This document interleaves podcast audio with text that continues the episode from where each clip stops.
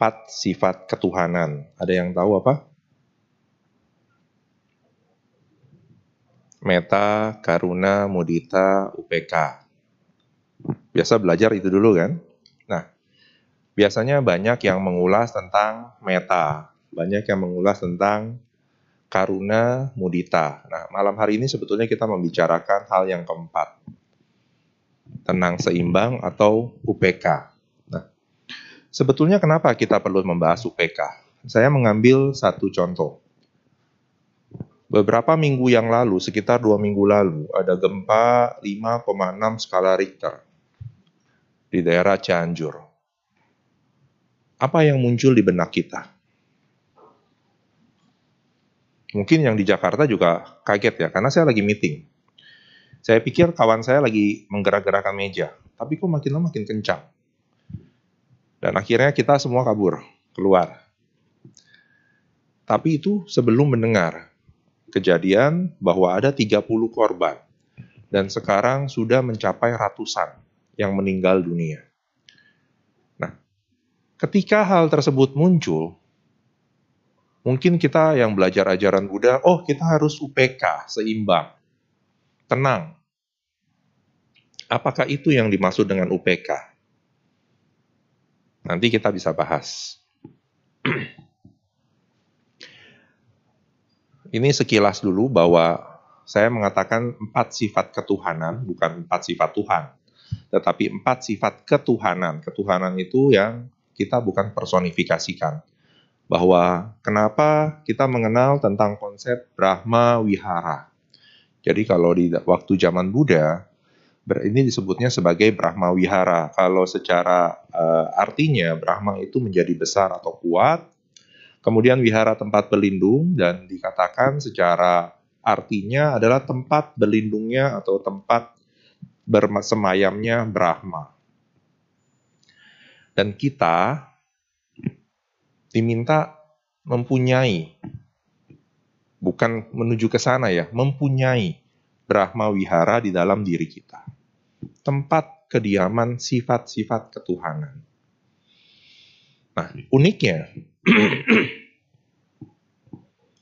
Tadi saya menceritakan bahwa kita diharapkan mempunyai uh, Brahma Wihara di dalam diri kita.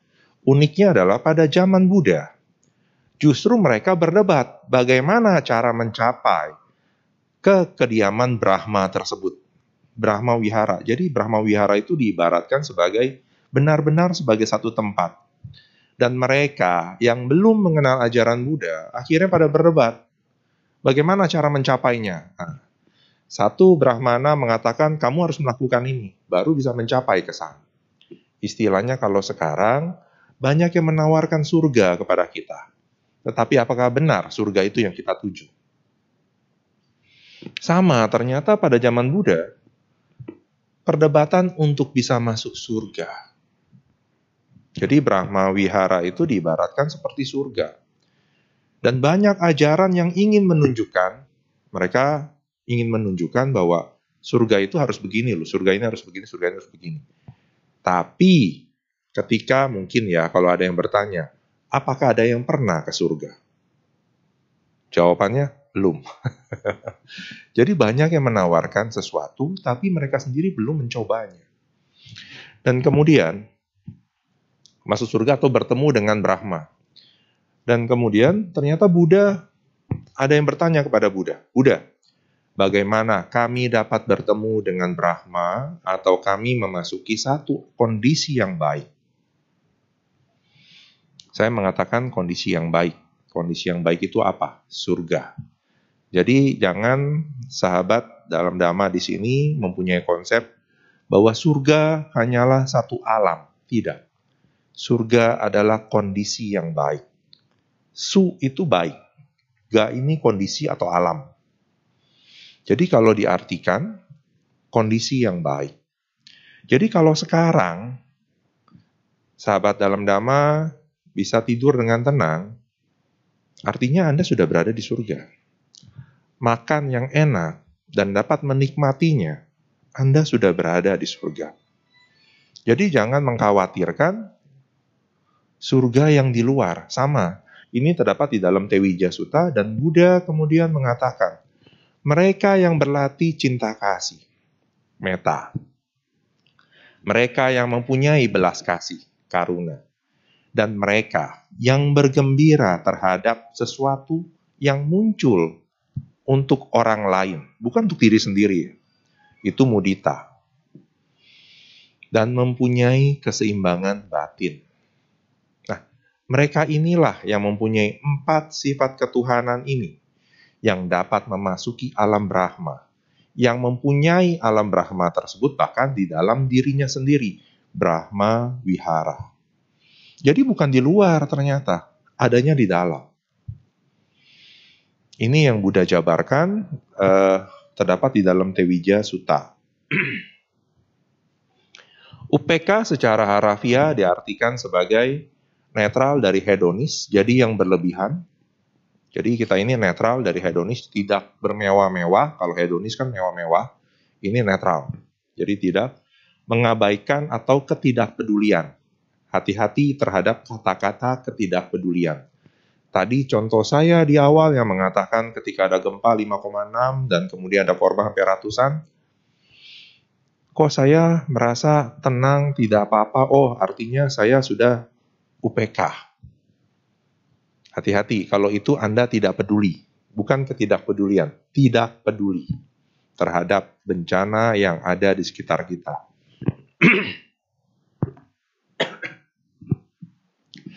Perasaan netral zero point antara kesenangan dan kemalangan. Kadang disamakan dengan aduka asuka, aduka masuka.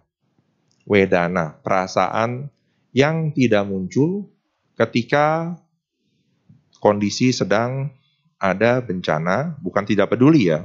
Jadi dia tidak mempunyai rasa takut. Tidak punya rasa khawatir. Ataupun ketika asuka, perasaan gembira, ketika ada sesuatu yang menggembirakan di sekelilingnya, dia juga tidak tergoyahkan. Tapi bukan tidak peduli, tolong dibedakan. Nanti ada contoh yang cukup menarik bahwa UPK ini tidak pedulinya atau ketidakpedulian itu seperti apa. Jadi bukan tidak peduli, ah saya masa bodoh. Atau ketika melihat, uh, tadi saya berjalan di PIK, ada acara di PIK, uh, baru ke Mari, ke uh, Pluit Village.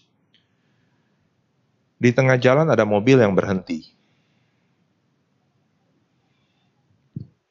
Saya pikir ada kecelakaan. Saya sudah minggir. Tapi ternyata yang muncul yang di sana adalah perdebatan. Entah siapa, pokoknya ada ibu-ibu sama bapak-bapak yang berdebat. Akhirnya saya tidak jadi.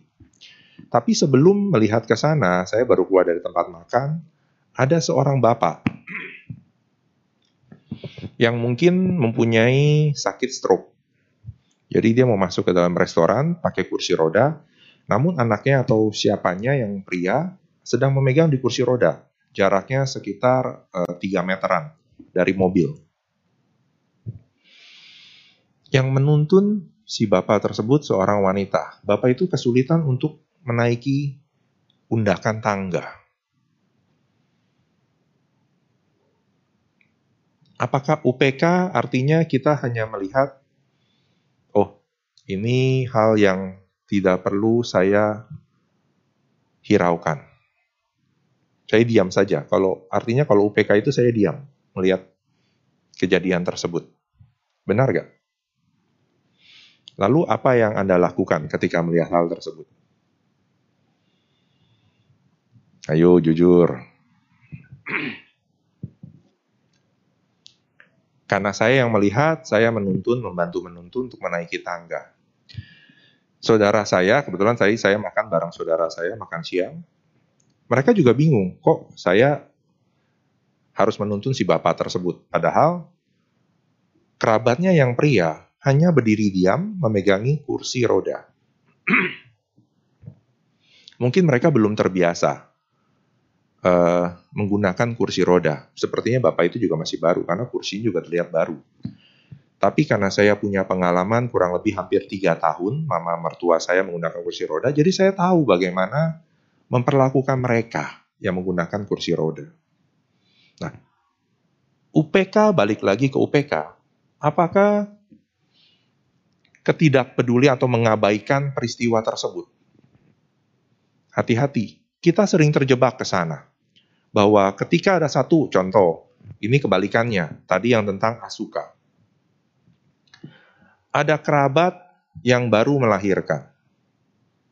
Semua orang mengucapkan selamat di dalam WA group. Kita yang umat Buddha, oh ya, kita harus UPK. Ini mereka lagi bergembira, kita harus tenang seimbang. Diam-diam saja. Pas ketemu dengan tetangga tersebut atau kerabat tersebut, tidak mengucapkan apa pun juga. Apakah itu termasuk UPK? Nah, jadi kalau ini tadi, Romo kan UPK itu asuka. Jadi tidak bergembira juga. Hati-hati. Bukan kita langsung uh, apa namanya uh, terbawa emosi. Nah, emosi kita, kita justru mengucapkan selamat nanti ya di slide berikutnya ada ya. Ini adalah satu bentuk latihan. Tadi kan kita bergembira atas sesuatu yang muncul kebaikan yang didapat oleh orang di luar kita. Itu mudita. Justru untuk mempunyai UPK, yang ketiga mudita ini harus punya.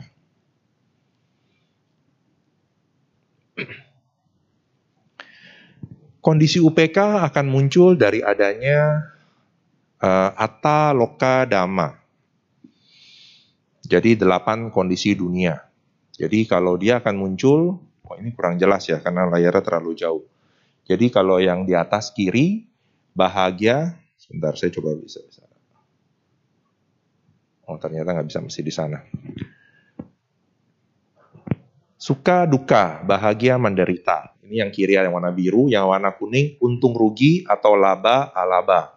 Yang hijau eh, terang itu yasa ayasa, masyur atau tak terkenal. Yang di sebelah kirinya dipuji atau dicela, pasamsa ninda. UPK dibutuhkan atau UPK kenapa ada? Karena ada delapan kondisi dunia ini. Ini yang sering kita hadapi dalam keseharian. Ini yang diperlukan adanya UPK. Jadi pada saat suka duka, bagaimana kondisi batin kita dapat terjaga. Umumnya duka ya. Kalau suka, eh salah, maaf saya terbalik. Suka ini yang sulit. Kalau duka, kita biasanya bisa cepat keluar. Tetapi kalau suka, ini sulit. Seperti lagu yang tadi dinyanyikan, saya mendapat inspirasi dari dari lagu yang tadi. Empat syair pertama. Tadi apa? Di kala. Nah, di, kita buka halaman 64. Tadi halaman 64 kan? Iya, saya ingat halamannya. Coba nggak ingat sih ya. Nah, dikala aku gundah. Terus?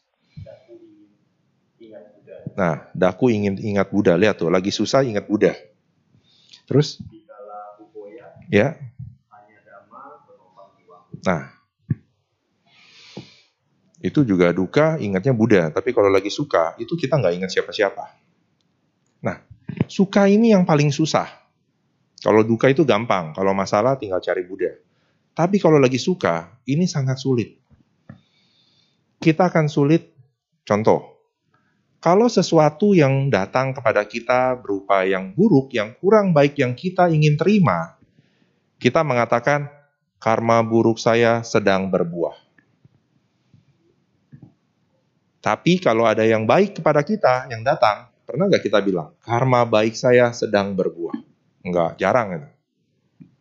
Nah, kondisi suka ini yang sangat sulit kita uh, analisa karena kita mudah paling gampang terbawa. Kalau duka itu terkadang bisa suka ada ngeremnya.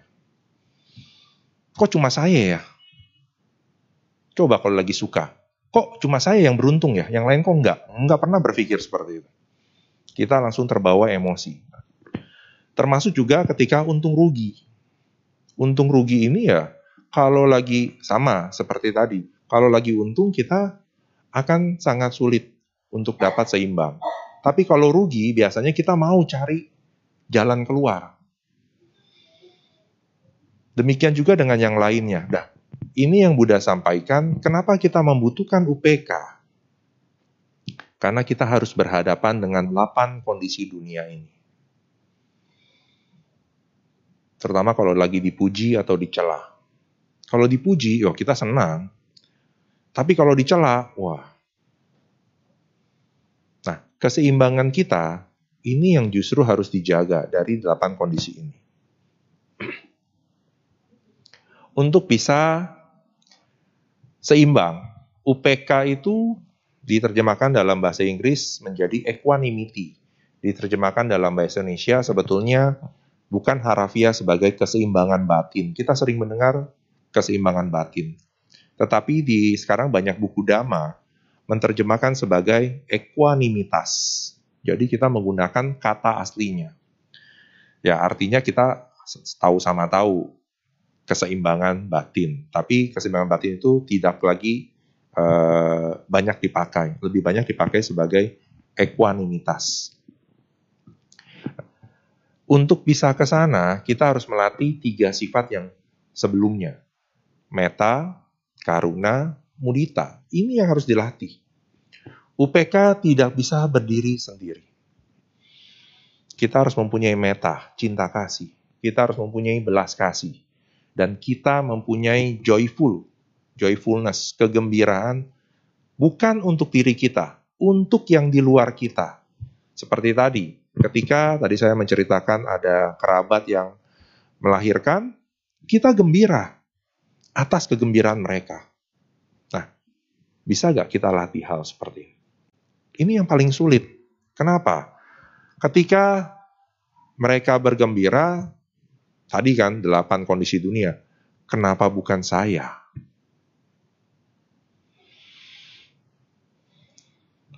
Uh, saya kemarin nonton satu YouTube, sebetulnya saya hanya random. Kebetulan saya lagi ngerjakan tugas, saya random di sebelah kiri saya saya nyalakan monitor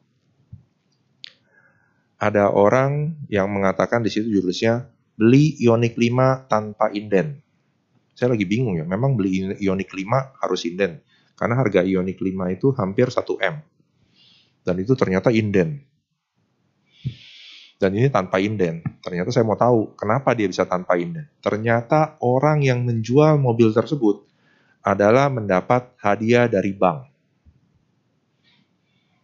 Nah, kalau nonton, kok saya enggak ya? Saya kebetulan bukan uh, nasabah bank tersebut. Nah, tapi kalau Anda yang menonton dan kebetulan punya rekening, kok bukan saya ya? Mungkin itu jadi satu bentuk pertanyaan juga. Untuk melatihnya ya, tiga sifat awal sebelumnya kita harus miliki dan kita harus latih. UPK tidak akan muncul tiba-tiba. Tidak. UPK harus dilatih dengan cinta kasih terlebih dahulu.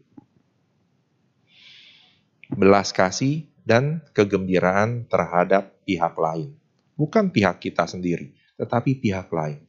Bahkan kalau perlu, sampai lawan atau orang yang tidak kita kenal pun, kalau memang ada kegembiraan dan kita merasa joyful, itu sangat baik sekali Beberapa waktu yang lalu saya mengatakan kepada Anda, ketika Anda melihat sesuatu yang indah, sesuatu yang baik, dan Anda tidak melakukannya, tapi orang lain yang melakukannya, mengucapkan apa?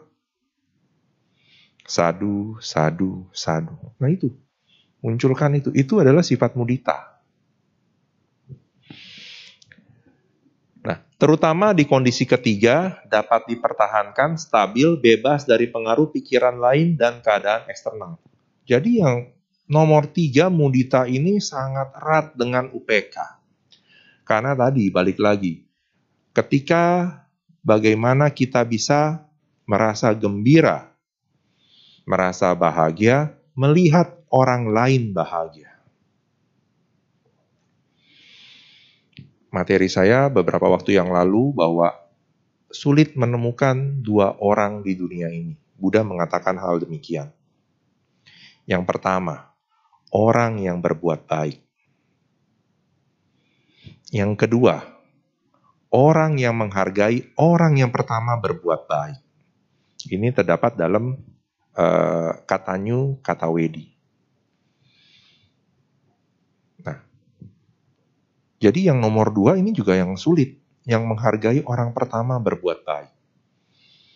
Nah, itulah mudita. Ini yang harus kita munculkan. Dan kemudian merenungkan kekurangan dari masing-masing sifat. Nanti ada masing-masing sifat ini dari meta karuna mudita, UPK, ternyata punya musuh dekat dan musuh jauh.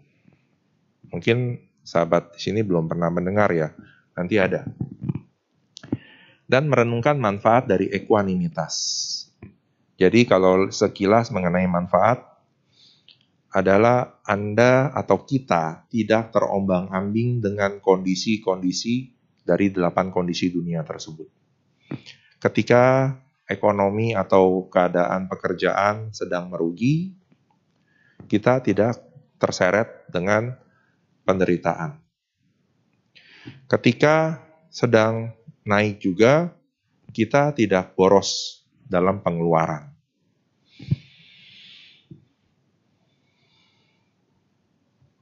Ini cara untuk melatih UPK.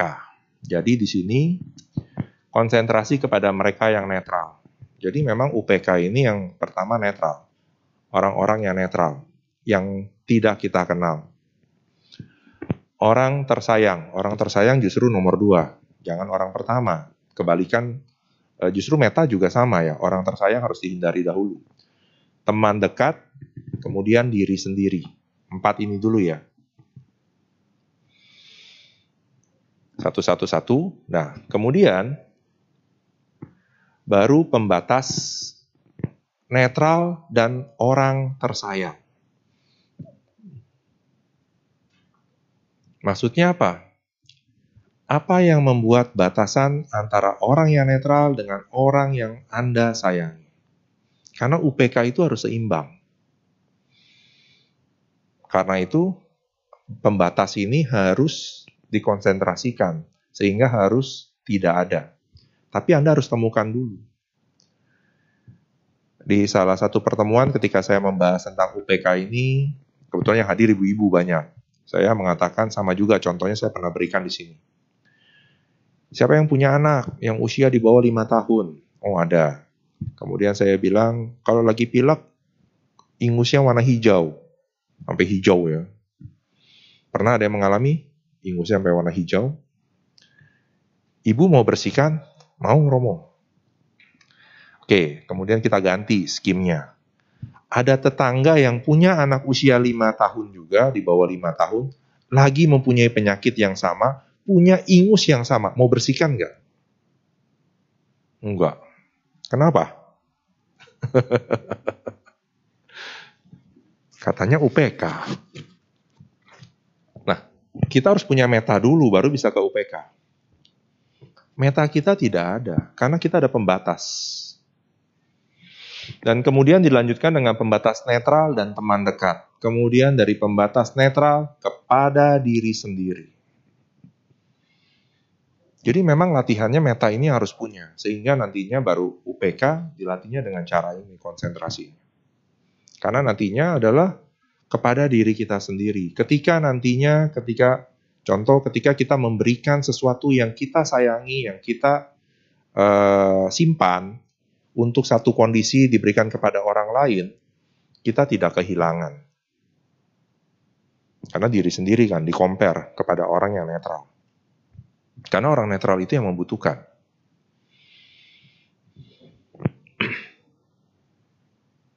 Kayaknya gampang ya Romo ngomongnya. Ya memang, teorinya gampang. Kita lagi akan perlu praktek. Nah, Brahma Wihara, ini yang kita membahas sebetulnya ekuanimitas yang di bawah. Bahwa kalau kita membahas cinta kasih, kasih sayang, simpati, atau perasaan gembira, mempunyai musuh dekat dan jauh masing-masing. Jadi kalau cinta kasih, musuh dekatnya itu nafsu atau raga jauhnya niat jahat atau wiapada atau biapada. Ini cinta kasih. Kalau karuna atau kasih sayang, musuh dekatnya kesedihan. Jauhnya kekejaman. Jadi terkadang belas kasih ini tersamar, tersamarkan. Nanti apa ya? Nanti kita bahasnya yang di keempat supaya lebih gampang. Simpati, musuh dekatnya itu kegembiraan perumah tangga terhadap uh, sebentar, saya juga kurang kelihatan. Oh, ke kegembiraan perumah tangga. Itunya disebutnya gahasa somanasa, bahasa palinya. Jauhnya keengganan. Jadi kita enggan ketika orang ada kegembiraan, kita enggan untuk mengucapkan selamat ataupun turut bergembira. Nah, yang di equanimitas, dekatnya itu ketidakpedulian. Karena seakan-akan muncul, oh saya nggak perlu ikut campur. Saya tidak peduli atau saya pasif aja. Inilah UPK, padahal tidak. Dia sebetulnya musuh dekatnya UPK, ketidakpedulian. Jauhnya nafsu dan kebencian. Nanti seperti apa ini ada detailnya. Nah, kita akan detailkan nih musuh dekat dari equanimitas. Yang paling sulit itu karena ketidakpedulian akan mudah diterjemahkan sebagai equanimitas. Ini musuh dekat. Tadi saya makanya memberikan banyak contoh di awal. Kita asumsikan bahwa kita sudah sedang menuju keseimbangan. Sebetulnya kita justru keluar dari jalur dari UPK. Bahwa beranggapan bahwa kalau kita pasif, itulah UPK. Tidak.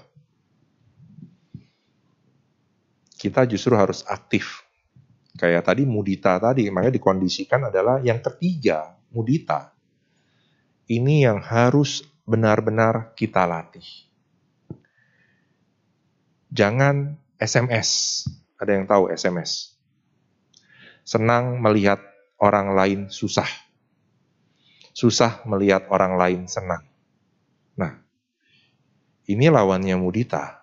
Nah, jadi mudita ini ya kita coba latih. Yang kecil-kecil. Tadi uh, salah satu cici saya uh, dieluk-elukan, jadi semua yang hadir di acara tersebut merasa kagum dengan cici saya. Kenapa? Dia seorang beliau seorang guru. Beliau tertawa dengan lepas karena ada makanan berlebih. Tadi makanan karena di, tadi yang hadir nggak terlalu banyak, jadi makanan banyak berlebih. Kemudian dikumpulkan dalam kotak dan kemudian kotak itu diacak. Dan yang hadir disuruh ambil. Dia dapat menuapan. Jadi disuruh bawa pulang. Nah, dia yang bikin ide itu dan dia tertawa sangat lepas dan orang-orang merasa enjoy. Padahal acara makan siang, tapi enjoy ini belum Natal, yuk kita sekarang tukeran kado. Daripada tukeran kado, ya kita sekarang bagi-bagi kado. Jadi makanan yang sisa tadi supaya cepat habis, dibungkus, diacak, yang hadir suruh ambil satu persatu, kemudian disuruh buka. Dapatnya apa? Sederhana kan? Tapi semua gembira. Nah, itu mudita. Saya katakan itu mudita. Karena banyak orang yang merasa gembira dan langsung diungkapkan dengan kata-kata juga kamu hebat ya sebagai seorang guru uh, dapat mengajak semua orang di sini partisipasi. Nah, yang mengatakan itu ya perasaan mudita. Nah, kita juga harus sama.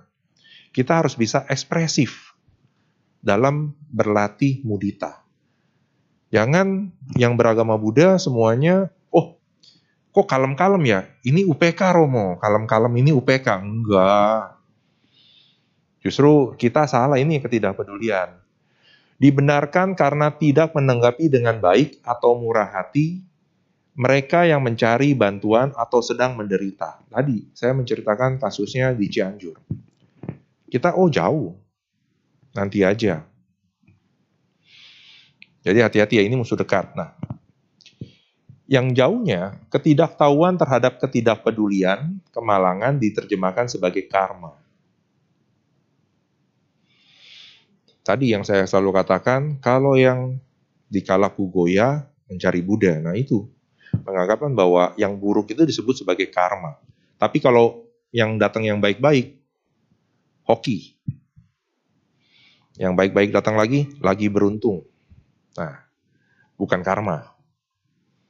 Ini yang kondisi-kondisi ini yang harus kita perbaiki.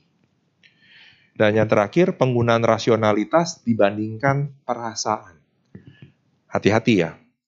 Semua mengatakan bahwa ajaran Buddha menggunakan logika. Ini yang menyebabkan kita tidak menjadi seimbang. Perasaan harus terkondisi, kita pakai juga. Contohnya apa? Tadi parita yang dibacakan terakhir, itu parita apa?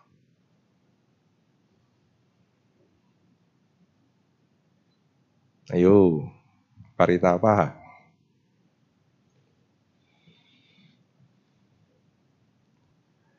Ada judul paritanya? Parita yang dibacakan terakhir adalah Kama Panya atau disebut sebagai Wisudi Gata yang artinya di situ dengan ucapan, perkataan, eh, eh bukan ucapan, perbu pikiran, ucapan, perbuatan eh, kepada Buddha, aku memohon maaf jika aku melakukan kesalahan melalui tiga pintu tadi. Kalau eh, diterjemahkan secara harafiah, itu adalah parita pertobatan. Ya karena Anda sedang memohon maaf. Kita sedang memohon maaf. Dan kalau aku melakukan perbuatan baik, semoga yang lain bahagia. Nah, itu memberikan satu kondisi seimbang. Nah, yang dipakai apa? Bukan rasionalitas, perasaan yang dipakai. Memohon maaf itu bukan logika tetapi perasaan, agar pihak lain dapat menerima. Pertobatan itu perasaan. Contoh, kalau Anda bertengkar, logikanya, nah, logikanya, yang salah harus mohon maaf dulu kepada gue. Bener gak? Tapi kalau Anda mempunyai perasaan, sama-sama minta maaf, selesai gak? bukan logika. Mobil saya pernah ditabrak, saya hanya keluar, bapak-bapaknya udah langsung ngegas duluan. Biasa kalau tabrakan mobil, yang ngegas duluan biasanya kemungkinan menang paling tinggi. Jadi kalau Anda mobilnya tertabrak atau Anda nabrak, yang penting kencang dulu, gas dulu suaranya. Eh, kamu yang menabrak ini. Saya cuma langsung bilang, Pak, salaman dulu. Dia juga bingung kali ya, salaman. Bapak ada asuransi? Ada, saya ada asuransi Pak. Ya udah, kita selesai Pak ya udah. Jadi nggak perlu emosi. Nggak perlu pakai logika siapa duluan yang nabrak. Tinggal kita tanya, salaman, sama-sama kita menderita, itu kan perasaan perasaan kan. Tinggal ditanya, punya asuransi gak? Kalau saya, mobil saya ada asuransi knock for knock. Jadi kalau dia nggak punya asuransi, bisa pakai asuransi saya. Tapi kalau dia punya dan saya punya, ya udah masing-masing aja. 300 ribu, 300 ribu, selesai masalah.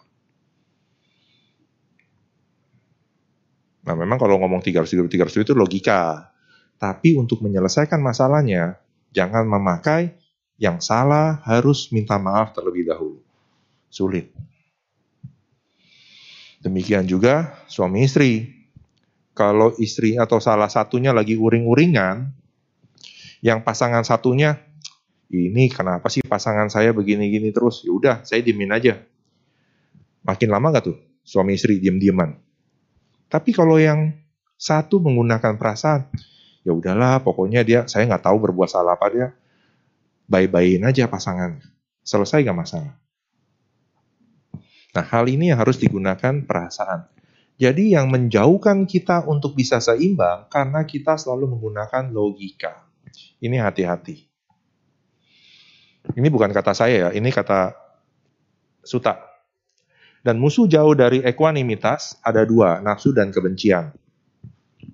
Karakteristiknya membuat kita tertarik atau menyetujui karena ada kekuatan untuk menarik. Ini nafsu, jadi membuat kita menarik. Sedangkan yang membuat kita menjauh karena ada kekuatan untuk mendorong jauh. Kita ya tadi nggak peduli. Ataupun kita tertarik, akhirnya kita terbawa. Karena ada nafsu di sana. Jadi kita udah nggak seimbang. Ini saya lewatkan karena ini lebih nah. Jadi manfaat Brahma Wihara kalau dilihat kita yang dari bawah dulu ya. Equanimitas itu teruntuk nafsu. Tujuannya itu ketidakpedulian yang sehat. Nah, ini yang seru nih. Ketidakpedulian yang sehat. Bukan tidak peduli saja atau pasif, tapi ketidakpedulian yang sehat. Tujuannya. Nanti yang dicinta kasih untuk untuk yang mudah sakit tujuannya meningkatkan kesejahteraan, belas kasih teruntuk yang banyak kekejaman, melenyapkan penderitaan, simpati atau kegembiraan teruntuk yang ada kebencian, bersuka cita dalam kebaikan dan keberhasilan orang lain.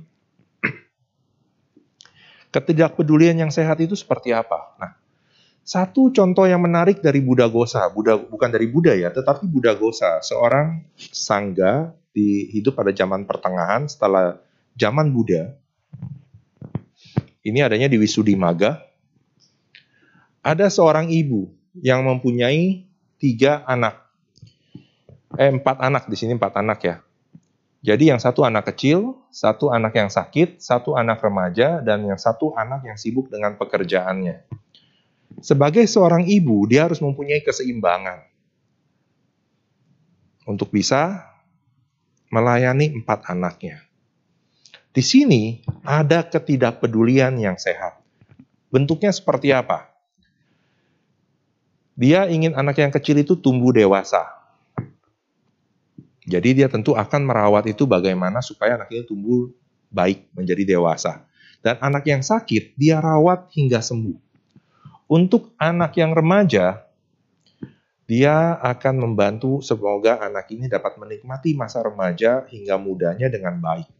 Dan tidak terganggu dengan anaknya yang mempunyai atau sibuk dengan urusannya sendiri.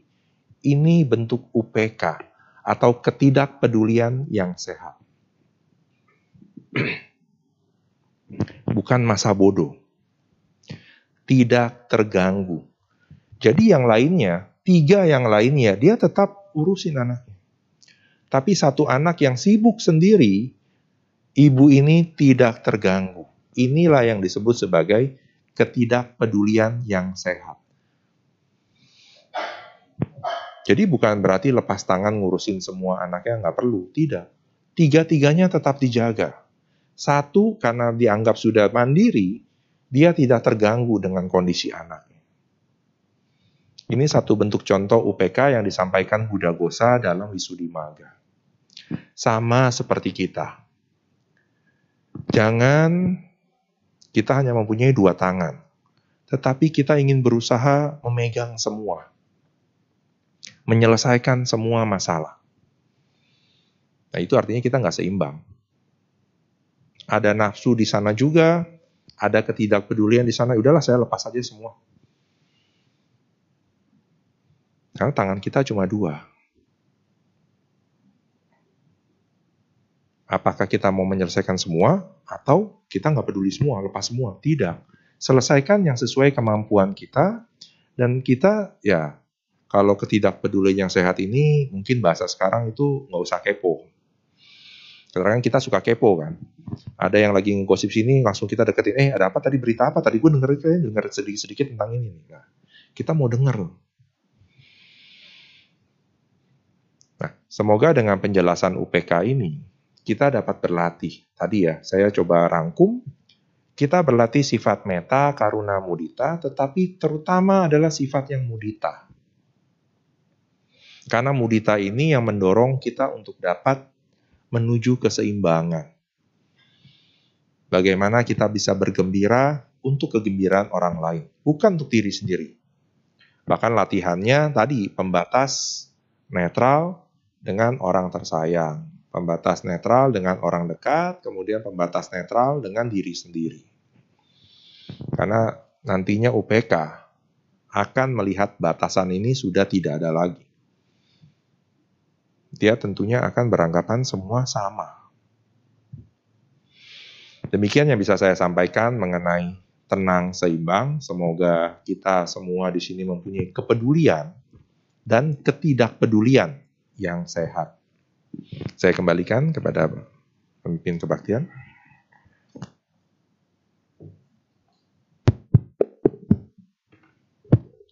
Baik, demikian Dhamma Desana yang telah disampaikan oleh Romo Kresno Budoyo.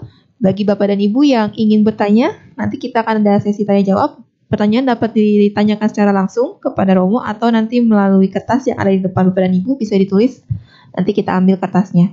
Sambil menunggu pertanyaan yang masuk, mari kita nyanyikan satu buah lagu bersama-sama.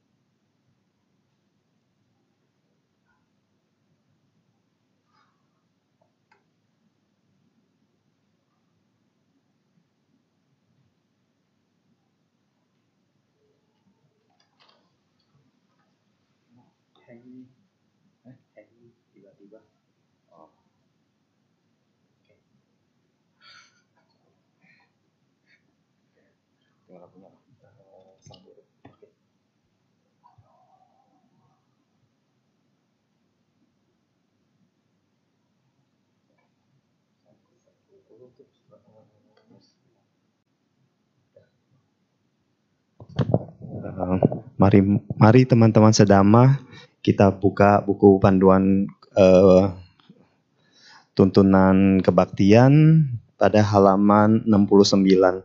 Kita nyanyikan bersama-sama dengan judul Sang Guru.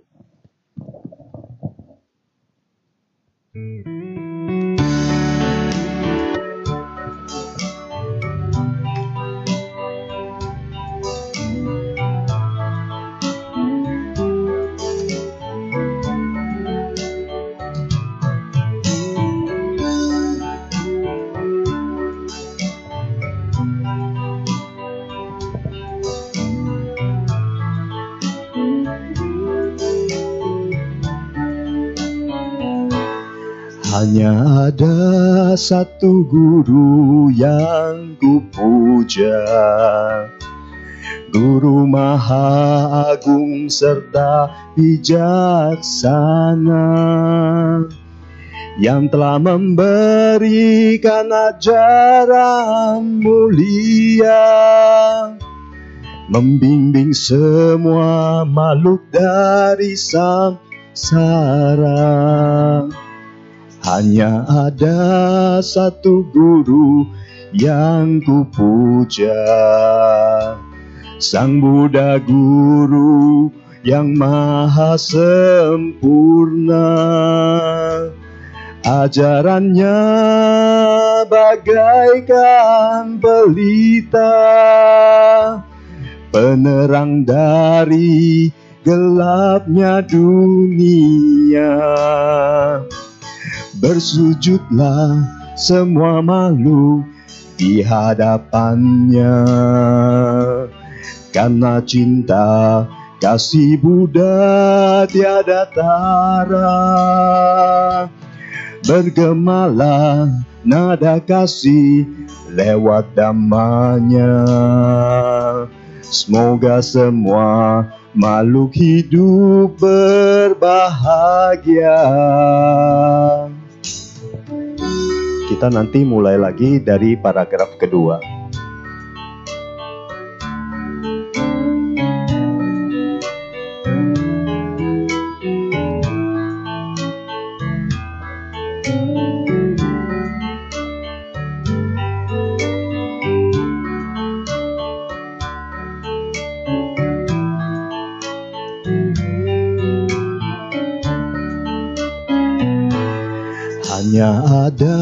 Satu guru yang kupuja. Sang Buddha Guru yang maha sempurna. Ajarannya bagaikan pelita. Penerang dari gelapnya dunia. Bersujudlah semua makhluk di hadapannya. Karena cinta kasih Buddha tiada tara. Bergemalah nada kasih lewat damanya. Semoga semua makhluk hidup berbahagia. Bersujudlah semua makhluk di hadapannya. Karena cinta kasih Buddha tiada tara. Bergemalah nada kasih lewat damanya. Semoga semua makhluk hidup berbahagia.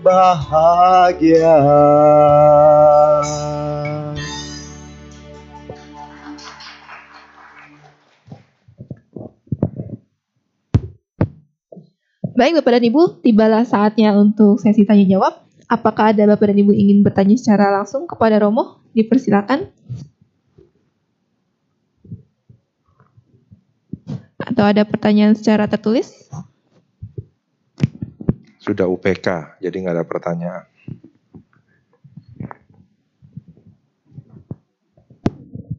Baik, sepertinya tidak ada Romo.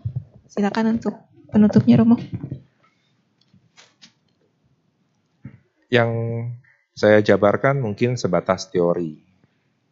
Tapi yang tentunya ini yang perlu dipraktekkan. Karena tanpa praktek, ya seperti tadi Bapak bilang kata susah.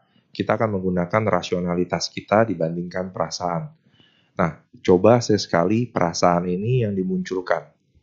Karena sifat meta, karuna, mudita bisa dilatih hanya dengan perasaan, tidak bisa dengan logika. Ibu ke anak ini adalah bentuk cinta kasih yang paling universal. Anak kepada orang tua belum tentu. Tadi pagi saya melakukan pemberkatan pernikahan. Orang tua dari yang cowok, dari yang uh, orang tua papanya, dari yang pihak wanita, sepanjang di awal ketawa-tawa terus. Dia uh, apa guyon dengan calon menantunya karena anaknya cewek. Tapi ketika mendekati akhir-akhir sampai yang pas terakhir, ternyata mungkin itu adalah bentuk uh, bentengnya supaya dia tidak terharu. Beliau bukan hanya terharu, bahkan sampai nangis kejar. Ya, saya sampaikan, ya ini kondisi yang dinikmati. Karena kondisi ini tidak pernah akan terjadi berikutnya. Orang tua yang awalnya masih ketawa-tawa, mukanya sampai merah, tapi dia juga yang nangis paling kencang. Nah, kondisi ini dibutuhkan UPK. Bukannya nggak boleh, tetapi dibutuhkan UPK supaya jangan sampai terbawa tadi kita mendahulukan perasaan, tapi jangan sampai perasaan juga menggoyang semua batin kita. Jadi kita jangan sampai terseret juga kalau kita menggunakan perasaan. Kan Romo bilang perasaan. Ya, tapi akhirnya kita terbawa perasaan, akhirnya jadi baper.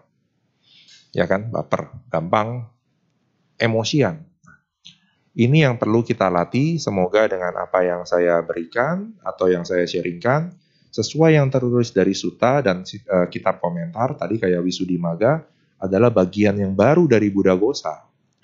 Adalah berusaha menerjemahkan ajaran Buddha supaya kita menjadi mudi apa mudah mengerti. Tadi kan penggambaran dengan empat putra. Si ibu ini tidak tergoncangkan. Tetap melayani tiga anaknya, tapi tidak terpengaruh dengan kondisi anaknya yang pertama yang paling besar. Kita juga coba simulasikan dengan kehidupan kita. Banyak masalah, tapi kita harus selesaikan masalah tersebut. Yang kalau memang harus ada yang tidak kita pedulikan, ya udah, pinggirkan dahulu. Tapi selesaikan masalah yang lain yang mampu kita selesaikan. Itu saja. Selamat malam, semoga berkenan dari apa yang saya berikan. Semoga semua makhluk hidup berbahagia. Sadu, sadu, sadu. Salam dalam dhamma, namo sangyani budaya, namo budaya. Sati hotu.